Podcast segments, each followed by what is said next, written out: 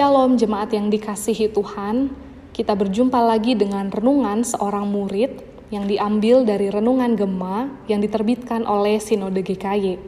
Mari kita berdoa meminta pimpinan Roh Kudus kembali meneduhkan pikiran kita dan menenangkan jiwa kita. Mari kita berdoa. Bapa di surga, terima kasih untuk kesempatan hari ini. Kami boleh sekali lagi mendengarkan firman-Mu.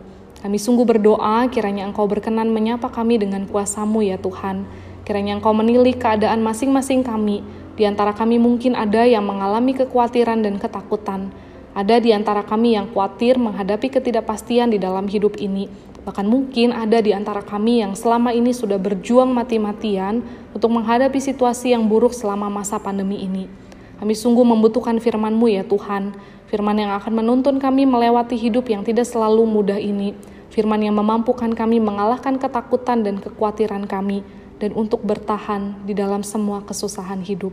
Kami sungguh berdoa ya Tuhan, kiranya Engkau mencondongkan hati kami kepada kesenangan-Mu dan pikiran kami kepada kemuliaan-Mu. Karena kami sadar bahwa kami diciptakan untuk memuliakan Engkau dan untuk menikmati Engkau selama-lamanya. Kami berdoa kiranya namamu disenangkan dan Injil Yesus Kristus yang menyelamatkan diberitakan sejelas-jelasnya di antara kami. Terpujilah namamu di dalam Kristus Yesus Tuhan kami berdoa dan mengucap syukur. Amin. Saudara, tema perenungan firman Tuhan kita hari ini adalah keselamatan bagi umat Allah. Perenungan firman Tuhan kita terambil dari Yoel pasalnya yang ketiga. Saya akan membacakannya hanya ayat 16, keseluruhan Yoel pasal 3 dapat Bapak Ibu baca secara pribadi. Demikian firman Tuhan. Tuhan mengaum dari Sion, dari Yerusalem ia memperdengarkan suaranya, dan langit dan bumi bergoncang. Tetapi Tuhan adalah tempat perlindungan bagi umatnya dan benteng bagi orang Israel. Demikian firman Tuhan. Bapak Ibu izinkan saya memulai perenungan ini dengan bertanya, kira-kira apa bedanya kedatangan Yesus dengan kedatangan Sinterklaas?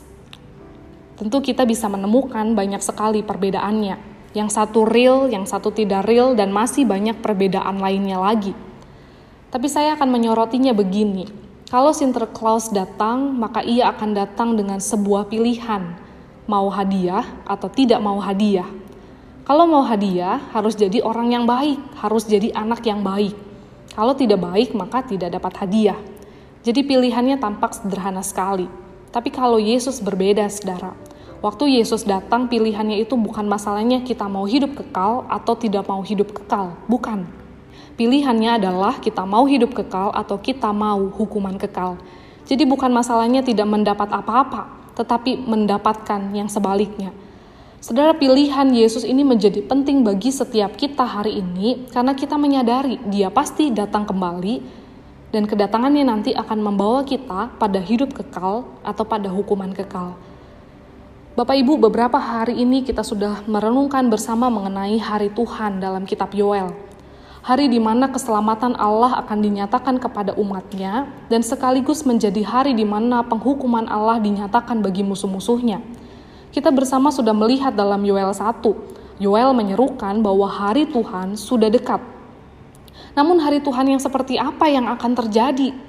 Dalam Yoel 2 kita melihat gambaran yang begitu mengerikannya tentang hari Tuhan itu. Namun kengerian hari Tuhan itu nyatanya dinubuatkan pertama-tama justru untuk umat Tuhan sendiri. Bapak Ibu berbicara mengenai hari Tuhan, bangsa Yehuda sangat menantikannya, karena bagi mereka itulah hari kemenangan mereka.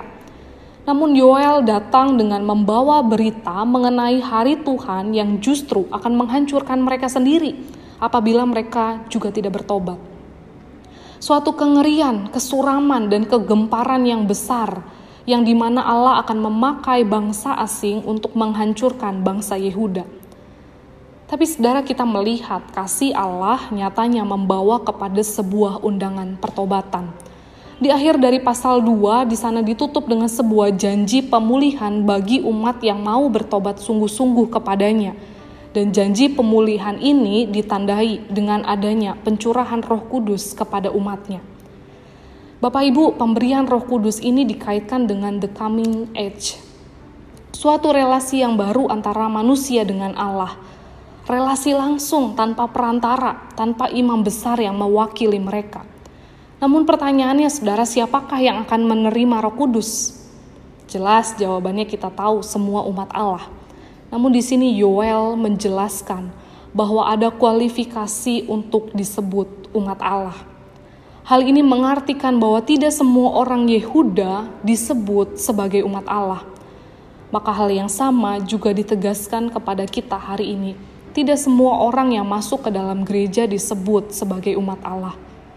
Lalu siapa yang disebut sebagai umat Allah? Yoel 2 ayat 32 mengatakan, barang siapa yang berseru kepada nama Tuhan. Yoel memaksudkan berseru di sini adalah dengan beribadah kepada Allah yang benar dan dengan hati yang benar. Dan ini cocok sekali dengan keadaan Yehuda pada waktu itu, saudara. Mereka menyembah berhala, sekalipun mereka tetap mempersembahkan korban-korban kepada Allah, namun mereka mencemari ibadah mereka dengan berhala. Dan ini jelas bukan orang yang berseru kepada nama Tuhan. Jelas orang Yehuda bukan umat yang menyembah kepada Tuhan. Dan saudara di tengah bencana dan seruan pertobatan yang diberitakan oleh Joel, nyatanya orang Yehuda tidak juga bertobat. Kita tahu Babel akhirnya menghancur, menghancurkan Yehuda. Kerajaan Yehuda hilang, mereka diserahkan, mereka dibuang ke Babel. Mereka tidak bertobat, sekalipun ada bencana alam dan seruan kehancuran. Namun saudara di tengah itu semua, rupanya ada segelintir orang yang akhirnya berseru kepada nama Tuhan. Akan ada yang bertobat dan kembali kepada Tuhan. Dan Paulus katakan inilah yang disebut sebagai sisa Israel menurut kasih karunia Tuhan.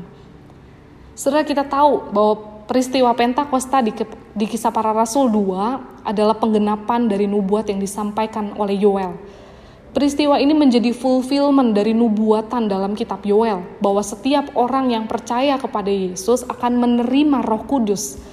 Saudara turunnya Roh Kudus adalah tanda inaugurasi zaman yang baru, yakni zaman akhir. Dengan turunnya Roh Kudus, kita perlu menyadari bahwa hari Tuhan sudah dekat. Hari Tuhan berbicara mengenai akhir zaman, kedatangan Kristus kedua, kerajaan Allah secara penuh akan dinyatakan. Waktu hari Tuhan itu tiba, Allah akan menghakimi semua musuhnya. Ia akan menghancurkan segala bangsa yang dalam kitab Yoel ini melambangkan musuh-musuh Allah. Saudara, apa yang akan Allah lakukan kepada musuh-musuhnya? Allah akan mengadili mereka, menghakimi dan menghukum mereka. Dikatakan di sana, mereka akan dibawa turun ke lembah Yosafat.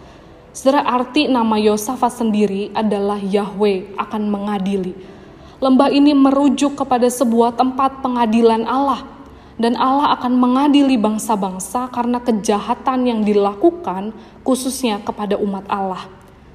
Setelah sekalipun kita tahu di pasal 2, Allah sendiri yang memakai bangsa asing untuk menghukum umatnya, tetapi Allah tetap memperhitungkan itu sebagai kejahatan. Saudara, ketika umat Allah berbalik untuk melawan Allah, Allah memakai musuh-musuh untuk menyerang umatnya.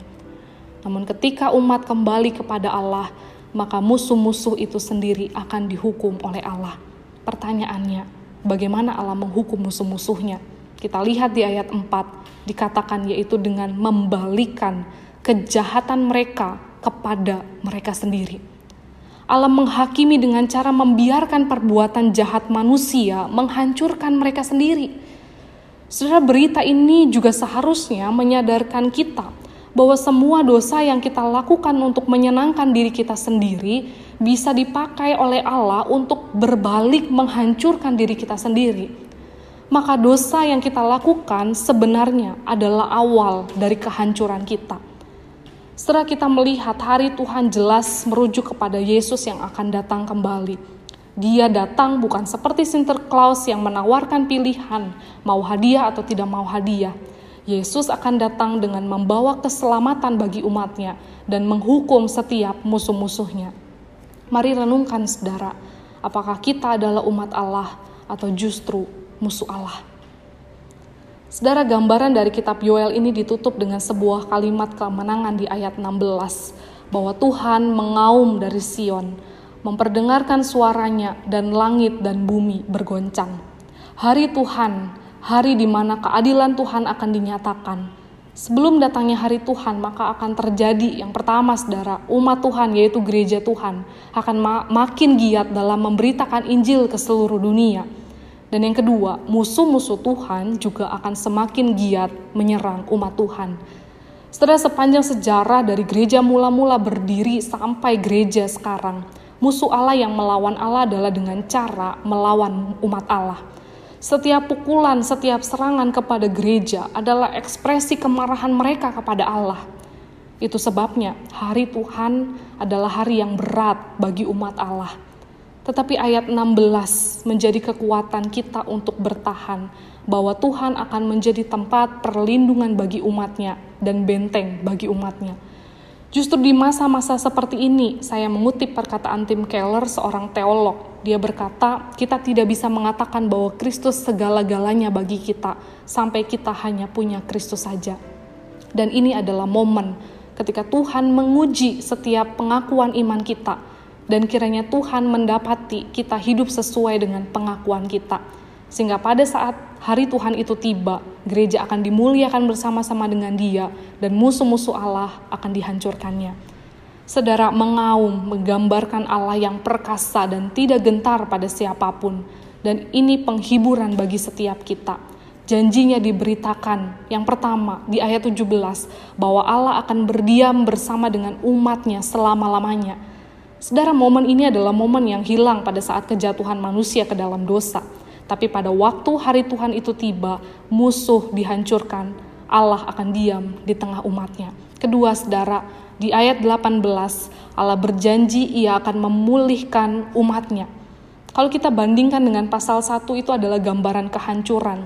Tetapi dalam bagian akhir ini Allah berjanji akan ada sebuah pemulihan bagi umatnya. Sehingga bagaimanapun kondisi kita hari ini, pada saat Yesus datang kepada kembali ia akan memulihkan baik umat Allah maupun segala ciptaan yang lain. Suatu the ultimate day of the Lord. Saudara pertanyaannya sekali lagi, di manakah posisi kita? Jangan sampai kita merasa kita umat Allah, tetapi justru Allah melihat kita sebagai musuhnya. Saudara keanggotaan kita di sebuah gereja tidak menjamin kita adalah umat Allah. Banyaknya pelayanan yang kita lakukan tidak selalu menunjukkan kecintaan kita kepada Allah kita umat Allah jika kita berada di dalam Kristus. Dan ketika Allah melakukan suatu tindakan, seluruh sifatnya berjalan beriringan. Karena kekudusan dan keadilannya, Allah tidak mau berkompromi dengan dosa. Saudara, jika firmannya hari ini menggelisahkan hati kita untuk meninggalkan setiap dosa-dosa kita dan kembali kepada Tuhan, mari datang kepada Tuhan dengan apa adanya, supaya Tuhan mengubah kita menjadi sama seperti Dia Saudara, karena kasihnya dia menawarkan pengampunan, karena kuasanya dia mampu menyelamatkan dan memulihkan yang terhilang. Kesabarannya mengundang kita kembali pulang kepadanya, sehingga respon kita seharusnya adalah berbalik dan berseru kepadanya. Saudara, kehancuran hidup kita Tuhan bisa perbaiki. Seluruhnya Tuhan bisa perbaiki, tapi dengan satu syarat, saudara menyerahkan semua kepingannya yang hancur ke dalam tangan Tuhan. Tuhan cinta jiwa yang hancur dan Tuhan siap memulihkan. Carilah Tuhan, maka saudara akan hidup. Saya tidak tahu keadaan saudara seperti apa. Mungkin saudara mengalami kehancuran, mungkin saudara mengalami benar-benar keterpurukan. Berhentilah menyalahkan siapa pun, berhentilah mencari pertolongan kepada siapa pun. Tapi mari kembali melihat hati kita. Kalau itu semua muncul karena masalah spiritual kita, kita sombong, kita melupakan Tuhan, kita tidak menyandarkan hidup kita kepada Tuhan, maka bersyukurlah jika firmannya sekali lagi masih menegur kita supaya kita kembali kepada dia. Dan jangan khawatir jika saudara berbalik. Kita tahu dia Allah yang mengasihi kita. Dia Allah menjadi manusia, menanggung segala rasa malu kita, menanggung kehancuran kita, keterpurukan kita di atas kayu salib, supaya saya dan saudara benar-benar bisa dipulihkan menjadi manusia yang baru di dalam Kristus. Dan saudara sambil kita menanti hari Tuhan itu tiba, marilah tiap-tiap hari kita terus mengevaluasi diri kita. Apakah kita sudah hidup berkenan kepadanya? Apakah kita sudah hidup sesuai tujuan Allah menciptakan kita sambil terus bertahan di dalam segala kesulitan sebagai bukti dari iman yang benar dan penyertaan Tuhan yang besar. Amin. Mari kita berdoa. Bapa di surga, Allah yang berkuasa atas segala sesuatu, yang mencipta dan memelihara segala sesuatu. Kami bersyukur untuk firman-Mu. Kami berdoa kiranya Tuhan menolong kami supaya kami dimampukan untuk mengerti firman-Mu tanpa keliru, untuk menerimanya dengan lemah lembut dan melakukannya dengan setia. Tuhan, kami rindu kehendak-Mu makin nyata dalam hidup kami. Tapi kami menyadari ya Tuhan siapa kami. Kami adalah orang yang lemah, yang berdosa, yang terbatas. Karena itu kami membutuhkan anugerah-Mu untuk mengarahkan hati kami kepada kesenangan-Mu ya Tuhan, dan membawa pikiran kami kepada kemuliaan-Mu. Kami sungguh membutuhkan anugerah-Mu untuk menopang kami, karena itu kami mau tiap-tiap hari mengevaluasi diri kami di hadapan-Mu, memperkuat iman kepercayaan kami kepadamu sambil menantikan pengharapan akan kedatangan-Mu kedua kali dan membawa kami kepada kehidupan kekal. Terima kasih Tuhan. Di dalam Kristus Yesus Tuhan kami berdoa. Amin. Ya, saudara, selamat menikmati kasih dan berkat daripada Tuhan sepanjang hari ini. Tuhan Yesus memberkati setiap kita. Amin.